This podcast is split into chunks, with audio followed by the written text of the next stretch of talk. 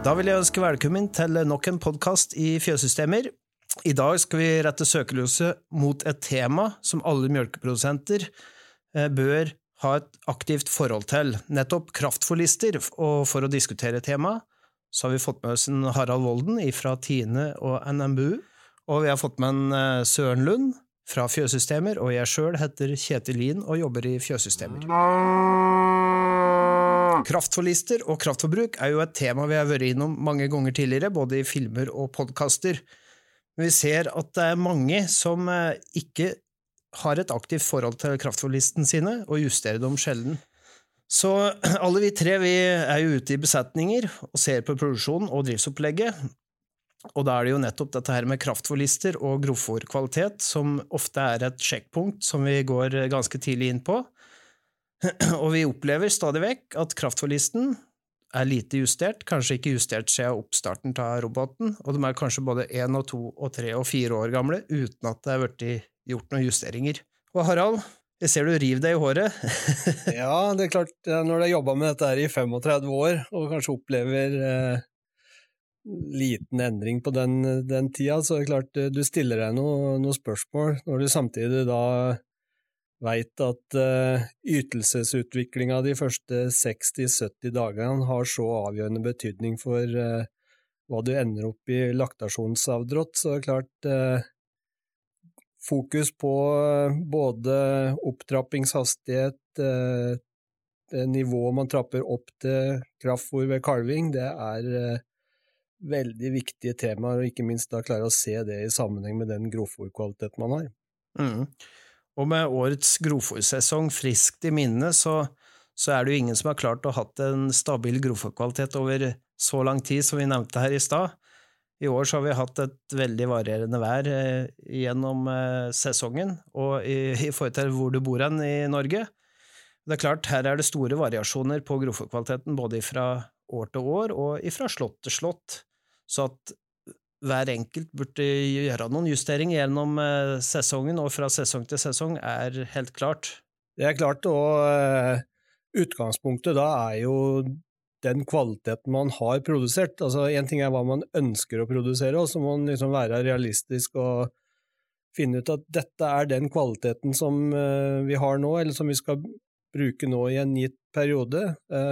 Bruke den aktivt og og da lage seg de kraftfòrlistene som uh, han da må gjøre for å få en uh, optimal utnyttelse, høyest uh, utnyttelse av både grovfòret og, og kraftfòret. Så klart, vi er tilbake til den, den evige oppfordringa. Ta grovfòranalyse, få en oversikt over hva man har, og start planlegginga ut ifra det. Og hvis vi tenker oss da eh, gjennomsnittlig grovfòrkvalitet i Norge den ligger vel på kanskje 0,85 pluss, mm. forhåpentligvis. Og da er det veldig viktig å treffe med kraftfòrnivå allerede ved oppstart. Og hvis vi begynner, hvor mye kraftfòr skal kua stå på ved oppstart? Så er vi ganske enige om det? Ja da, og, og eh, det kommer jo mer og mer eh, si, forsøksdokumentasjon på at man skal være forsiktig med fòrstyrken eh, inn mot eh, kalving, for det viser at fôrer vi kua for sterkt eh, den siste perioden eller tida før kalving, så øker vi blant annet risiko for fettlever og, og sykdomsproblematikk. Vi, vi, ser også det at vi får et lavere fôropptak, spesielt grovfòropptak. Så, så det er nok om å gjøre her å være forsiktig med kraftfòrnivået Eh, ved kalving, og, og anbefalinga vår er at du skal ligge på rundt en kilo på, hos voksne kyr. Ja, på kalvingstidspunktet, og så kviger så, så er vi litt snillere og, og eh, hever en halv kilo. Ja, ja. Uh, en og en halv kilo på, på, på kviger. Og da kommer jo sjølve opptrappinga, da. Uh, de første dagene etter kalving, som, som er vesentlig, og ikke minst hvor høyt vi skal gå. Ja, og der, kan si at der er det jo litt forskjellig, forskjellig erfaring. Um, en ting er å starte med en helt jevn opptrapping fra dag én, og så ser vi at det er noen som praktiserer nærmest en liten sånn boosting, hvor de da gir et par kilo ekstra i løpet av de neste to dagene, sånn at uh, hvis du ligger på en kilo, og så la oss si på dag fire så er du på, på tre kilo, så har du i hvert fall et veldig godt uh, utgangspunkt. Og så blir det jo da den gradvise opptrappinga. Og igjen så viser jo de forsøkene som er gjort de siste ti årene, viser jo da at man skal være også forsiktig med opptrappingshastigheten. Man skal utnytte kapasiteten som dyret har til å spise grovfôr, og da er det en opptrapping på 300 gram per dag som kan eh, være et veldig aktuelt nivå. Da. Og så, da snakker vi om eh, en gjennomsnittlig grovfòrkvalitet eh, i Norge, sånn 0,85. Og så er det jo sånn at hvis du har et veldig godt grovfòr over 0,9, så så anbefaler vi enda litt svakere opptrapping, altså kanskje 250 gram per dag ja. etter de fire dagene. Ja. ja. Og har du et, et grovfòr eh, med litt dårligere kvalitet, eh, ned på 0,8 og, og lavere enn det, så kan du gi litt mer gass, kanskje 350 gram per dag, bare for å, å si sånn som vi anbefaler det. Ja, og så vil jeg nok ikke ha gått høyere enn det, for det er klart Begynner du å ha grovfòr ned på 0,8, så, så, har du et svakere grovfòropptak. Og du, klart du kan da fòre på det gjennom på en måte fòringsopplegget litt, eh, en risiko for sur vom, så noe mer enn en 350 eh, gram per dag ville jeg nok ikke ha, ha satsa på. Også. Nei. Og så er jo det spørsmålet, da, hvor høyt skal jeg gå? Det er klart, her har vi noen forutsetninger. Eh, Kuen må ha nok tilgjengelig grovfòr, sjølsagt. Eh, Grovfòret skal ikke ha noe gjæringskvalitetsfeil som eh, forringer eh, appetitten. Og vi skal ha ei stabil fòring fra dag til dag. Det, det ligger til grunn hele tida. Mm.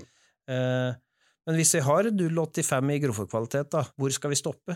Det er jo det som blant annet er noe av tusenkroners spørsmål. Og det jeg har lyst til å starte med da, det var at vi gjorde et veldig interessant forsøk for en, eh, for en del år siden, hvor, eh, hvor liksom målsetningen var å tilpasse opptrappingsnivået, eller hvor høyt vi skulle gå, etter eh, kvaliteten på grovfòret.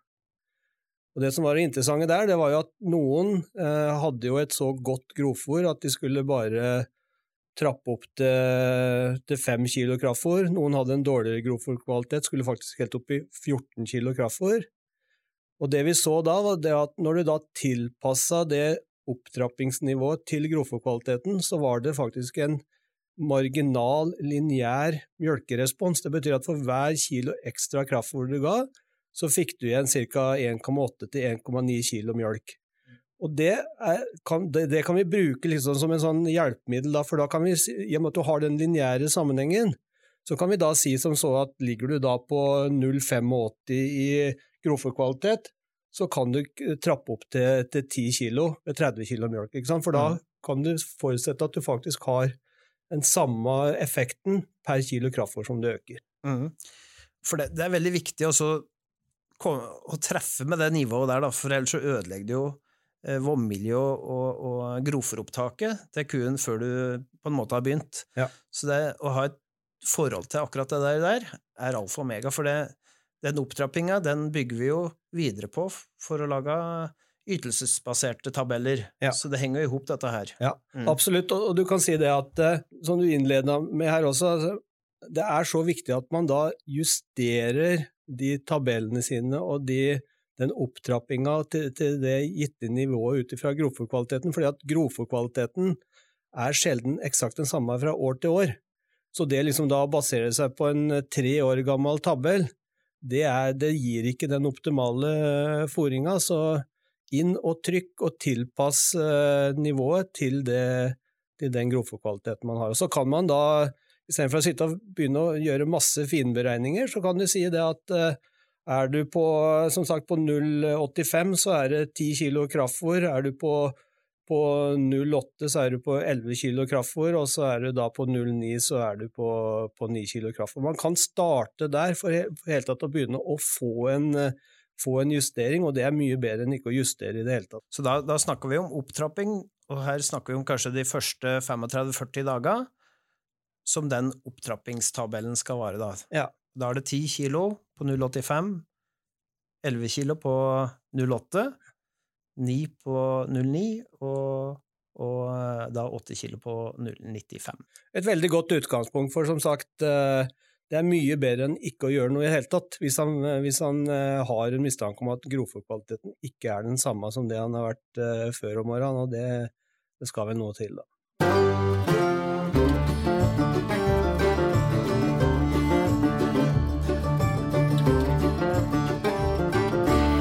Ja, søren. Ehm, jeg tenkte på hva er årsaken til at eh, folk ikke justerer seg kraftforlisen, og hvor vanskelig kan det egentlig være? Du er, jobber jo mye med Leli og Horizon. Ja, eh, det stemmer, men eh, jeg må jo innrømme sjøl at etter en del år med fòring og sånn, så har jeg selvsagt regnet mye på fullfòr og sånt, så du kan alltid regne deg fram til det. Men når det gjelder kraftforlister, altså du liksom må eh, ofte kommentere på en kraftfôrliste om, om, det ser riktig ut eller feil, så må jeg innrømme sjøl så blir du veldig sånn usikker, fordi er, du vet ikke helt hva, eh, hva fôr de har og litt sånn. Eh. Men jeg skjønner jo disse, eh, disse folka som sitter med det her hver dag, og så eh, ender de faktisk opp med liksom å ha lyst på å prøve, men så tør de ikke likevel. Eh, så hører de litt med rådgiveren, og så blir de enige om noe, og så går det ikke så veldig lang tid, så ender de opp med at de da eh, bytter grovfòr. Og så, så, ja, så blir de egentlig litt nervøse for om, om det er effekten av grovfòret, eller om det er kraftfòret. Men generelt så skulle jeg ønske folk var flinke til å, å, bare prøve seg fram. Og hvis de er usikre og ikke tør kanskje å prøve på alle dyra, så lag en gruppe. Eh, ta ut fem stykken, eh, fem dyr som er som altså rett og slett kjører om tar dem ned i kilo med kraftfôr, eller går opp i kilo kraftfôr, og så se hvordan de responderer i forhold til de andre. Så det å tørre å trykke på, på, på gå, inn, altså, gå, inn, på knappen, eh, gå inn i, i dataen og så, og tørre å trykke, fordi vi får veldig mye informasjon. Det står eh, spesielt selvfølgelig de som har eh, melkerobot, da, kan jo se hvor mye de melker og hvordan de responderer på det dag for dag. Så her er oppfordringa hvis du ikke tør å trykke, så tar du kontakt med f.eks. en TIN-rådgiver som kan bistå deg, men målet er å tørre å trykke litt sjøl, følge med hva som skjer, og prøve å utnytte det fòret du eh, har berga sjøl, på best mulig måte. Mm. I båsfjøs, for eksempel, så er vi vant til å eh, se på kua og justere eh, kraftfôret. Og eh, det gir en viss erfaring med om det, om, det, er noe som fungerer, og selvfølgelig også dyra er individuelle. Men det skulle jeg ønske man også gjorde mer i robotfjøs, at man prøvde seg fram. Eh, fordi at fra for det første, som jeg sa, det gir en erfaring og, og indikasjon på om de responderer på det eller ikke. Men der er jeg veldig opptatt av liksom Du trapper opp til et uh, gitt uh, nivå. La oss si at du trapper opp til ti kilo, da. Da må du samtidig tørre å utfordre kua noen dager for å se altså, hva slags kapasitet uh, har hun. Så, så, jeg ville nok uh, istedenfor da gå rett over på en uh, ytelsesbasert uh, tabell, så ville jeg nok ha utfordra den kua en sju til ti dager og se rett og slett hvordan er ytelsesutviklinga i den perioden, for da får du også litt indikasjon på både grovfòrkvaliteten din og hva hun egentlig er god for den, eh, det enkelte individet her. Mm. Og hvis vi da bare følger den 085-kvaliteten, da, mm. og vi, vi snakka om opptrappinga, hun står på én kilo ved kalving, vi går fort opp til tre kilo på dag fire, og så har vi 300 gram eh, opptrapping eh, etter det, så da vil det med andre ord si at etter 27 dager mm. så er hun da på 10 kilo. Mm. Og da vil vi, da vil vi holde kua der kanskje en åtte-ti dager, ja. før vi går over til en ytelsesbasert eh, tabell. Eh, og, og viderefører derifra. Absolutt, og da får du egentlig litt sånn eh, tilbakemelding på hva er grovfòrkapasiteten på dette her eh, dyret, ikke sant. Du får jo også en indikasjon på om du har truffet uh, fornuftig med grovfòrkvaliteten som du har lagt til grunn eller har analyse på også, så jeg synes jo det er en veldig god tilnærming, jeg, da. Mm. Og så er det spørsmål, da, hva, hva gjør vi? Eh, da går kua over en ytelsesbasert tabell som kanskje varer ifra 35-40 dager og fram til 100 dager, for eksempel, etter kalving. Eh, og så jeg sjøl har, eh, har i hvert fall ofte praktisert at jeg da legger inn en ny ytelsesbasert tabell som krever litt høyere grovfòropptak på kua. Så jeg kanskje går ned en kilo i forhold til det jeg har på den første eh, ytelsesbaserte kurven, da. Ja, det tror jeg er en veldig riktig og spennende tilnærming, fordi at uh, fôropptakskapasiteten den er jo på topp etter 10-12 uh, uker. Det er liksom én del av det. Samtidig så ser vi også at det skjer et eller annet sånn fysiologisk uh, med, med, kua, og innstiller seg liksom på en annen måte å drive den mjølkeproduksjonen på. så da tror jeg det er viktig at man eh, for det første utnytter den økte kapasiteten, men faktisk også begynner å forberede den kua på at hun ikke skal legge overskuddsenergien på kroppen. Altså mm. det skal være mest mulig av fôret skal ut i mjølkebøtta, og den må vi på en eller annen måte styre eller påvirke, og da tror jeg det at det å gå over da til en ny tabell eh, etter en eh, 100-120 dager, det tror jeg er eh, en veldig bra måte å gjøre det på. Mm. Og han kan kanskje ta dem enda en gang òg, når de kommer til 160-70-80 dager. At han kan ta dem enda et hakk ned òg. Ja, og, men det er nok igjen litt avhengig av eh, altså, Ønsker du å, å maksimere mjølkeproduksjon? Klart da, da må jo se det litt i forhold til dyretall, kvotefylling og sånne ting. Men hvis du ønsker mer å styre mjølkeproduksjonen din, igjen med utgangspunkt i å maksimere grovfòropptaket, kanskje ønsker å gå noen eh, ned på kraftfòrnivået, så må du nok eh, helt sikkert ha en ny tabell etter kanskje en dag 200-220, eh, ikke sant, for da for igjen så er det en å, å, å kanskje styre mjølkeproduksjonen inn mot en avslutning, da. Også med nå er det mange som har roboter, og det er klart, det er jo mye enklere å følge med på dette her når du har en robot, kontra i båsfjøset, der du stort sett så på kua og veide mjølka en gang i måneden.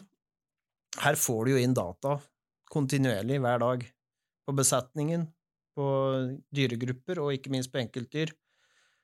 Så, så jo, du har jo virkelig muligheten til å følge med her, da. Og korrigere tidlig før det er krise.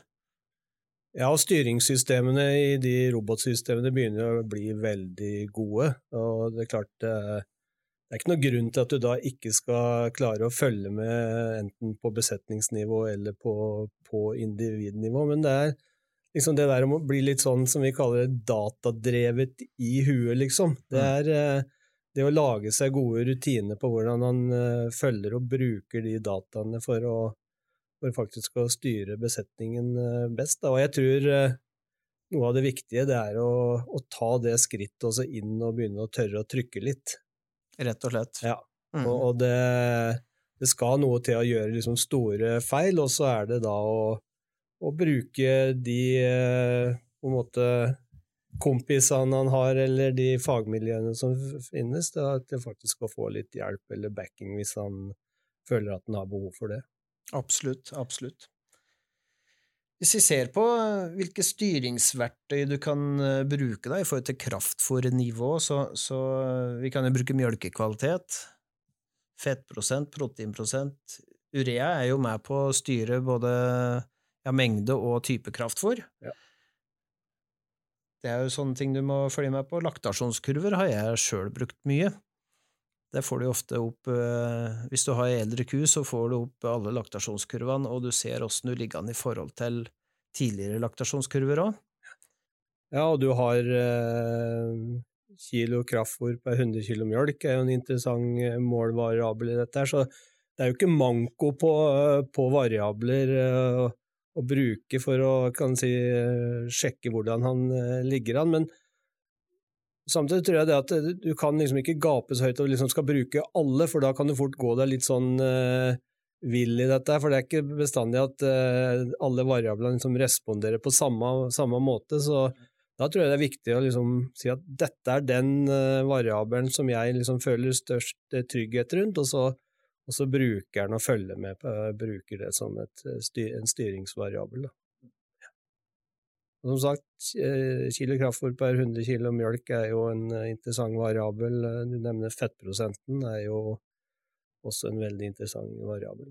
Og det, og det som er å si om eksempelvis fettprosenten, det er jo det at det er jo en variabel som dyra responderer på veldig fort. Sånn at eh, hvis du, har en, eh, en, rasjon, da, eh, om du da snakker på besetningsnivå, som er litt feil, så, så, så, gir det fort utslag på fettprosenten i mjølka. Altså, proteinprosenten er en dårligere variabel sånn sett. Det er en mer sånn langtidsvariabel. så Derfor så er fettprosenten interessant, for liksom, eh, har det skjedd noe med vannmiljøet i løpet av de siste tre dagene, mm. da, vil du liksom da vil du få en respons på det på fettprosenten ganske fort. Ja, Vi har jo nevnt forskjellige grovfòrkvaliteter her nå, fra 0,8 til 0,95. Eh, hva kan vi si om forventa fòrene til kraftfôr per 100 liter mjølk da, på de forskjellige grovfòrkvalitetene? Hvis en tar en liten tommelfingerregel der? For det er et tall mange har et forhold til. Fòrene etter mjølk per 100 liter mjølk. Nei, etter kraftfôr per 100 liter mjølk. For det første så tror jeg det er viktig at vi regner den i energikorrigert mjølk. jeg tror det er eh, ref, ref den fettprosenten vi snakka om her i stad. Så, så, det tror jeg er, eh, er, viktig. Og så ser vi jo det at har du 0,95 uh, så klart, det å ned på 3-24 kilo kraftfôr per 100 kilo mjølk, det er jo på besetningsnivå, det er, eh, er, fullt mulig. Og det er klart, er du på 0,8, så, så, er vi jo på 5-36 kilo kraftfôr per 100 kilo energikorrigert mjølk også. Mm. Og så, er det, og så vil noen si at nei, det er høyt og det er lavt, men, men dette må jo den enkelte faktisk gjøre en vurdering på. Hva er hva er mulig å få til med den kvaliteten med grovfôr som man har fått produsert denne eh, sesongen her. Sånn. Det, det, ene er ikke mer riktig eller feil enn det andre. Det er snakk om å gjøre det beste ut av det ut ifra den grovfòrkvaliteten man har. Og, og, jeg vil jo igjen oppfordre folk til å ta eh, grovfòranalyser. Og Tine har jo nå tatt i bruk et eget system for uh, uttak av prøver som vi har store forventninger til, og vi håper at det virkelig også skal kunne føre til en mer optimal fôring. Da. Ja, for det, det, nye systemet der er jo helt fantastisk i forhold til det praktiske og ikke minst eh, kostnadene, vil jeg tro. Ja, Logistikken mener jeg er, er unik her. Det er klart, eh, det å ta ut en prøve, sende den med mjølkebilen og få svar i løpet av eh, to-tre dager, det er jo ganske utrivelig. Da da, burde det ikke være, da, er, da er det vel ikke sånn at uh, du får en analyse, og så har du brukt opp fôret. Det er vel en liten mulighet for det da. Så, nei, så vi har veldig store, store, stor tro og forhåpninger til det, til det systemet. Da. Ja, det, det, har jeg virkelig tro på. Ja, så da, da, er konklusjonen rett og slett den at uh, tør å gå inn på dataen, juster kraftforlister. Det er dyrere å ikke gjøre det enn å prøve. Ja, og følg godt med. Det finnes så mye spennende og gode tall på styringssystemene at uh, når man har vært inne og justert, så følg med på utviklinga, rett og slett. Få med naboen, gjør det til en happening. Mange Leli-klubber rundt omkring. Kjempefint tema der, og der har jo vi noen folk i systemet som uh, kanskje kan komme og snakke litt. Ja, det, vi oppfordrer til uh Eh, sånne samlinger. Eh, absolutt, og helst gjerne en runde i fjøset først. Så hvis det er noen som ønsker å ha, ha besøk, eh, så, så kommer vi gjerne. Kjempebra. Da oppfordrer vi til det. Det gjør vi.